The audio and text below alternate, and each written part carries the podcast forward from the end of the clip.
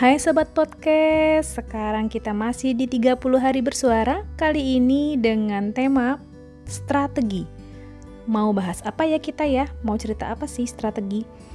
Kali ini Mila mau cerita tentang strategi promosi bersuara Sebelumnya, kita harus tahu dulu strategi itu apa sih?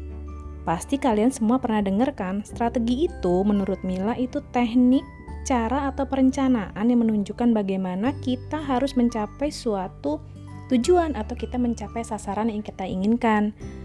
Kalau kita nggak punya strategi nih Sokes, maka akan bubar deh semuanya.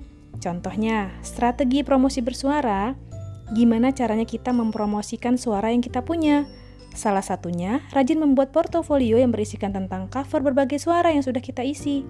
Bisa mengisi iklan, company profile, juga ada dubber ataupun announcer juga bisa. MC atau apa pun. Pokoknya yang berkaitan dengan dunia suara. Kenapa kita perlu strategi seperti ini? Karena dengan adanya strategi promosi bersuara, orang-orang dapat melihat jenis suara kita sesuai dengan proyek apa yang mereka punya.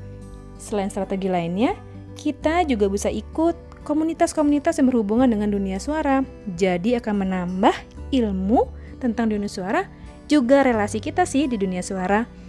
Hmm, jadi, soke semua harus punya strategi tentang semua hal yang akan dilakukan ya, karena akan mempermudah kita untuk mencapai sasaran. Ingat tuh, jadi kamu harus punya strategi.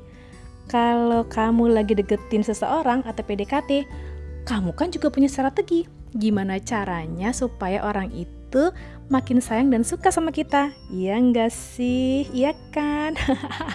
ah udah ah bercandaan aja eh tapi perlu juga dipikirin tuh strateginya apa kalau kalian lagi PDKT sama seseorang. Oke, sampai jumpa lagi di episode selanjutnya. Masih di podcast Suara Hati Mila. Salam sayang dari Mila.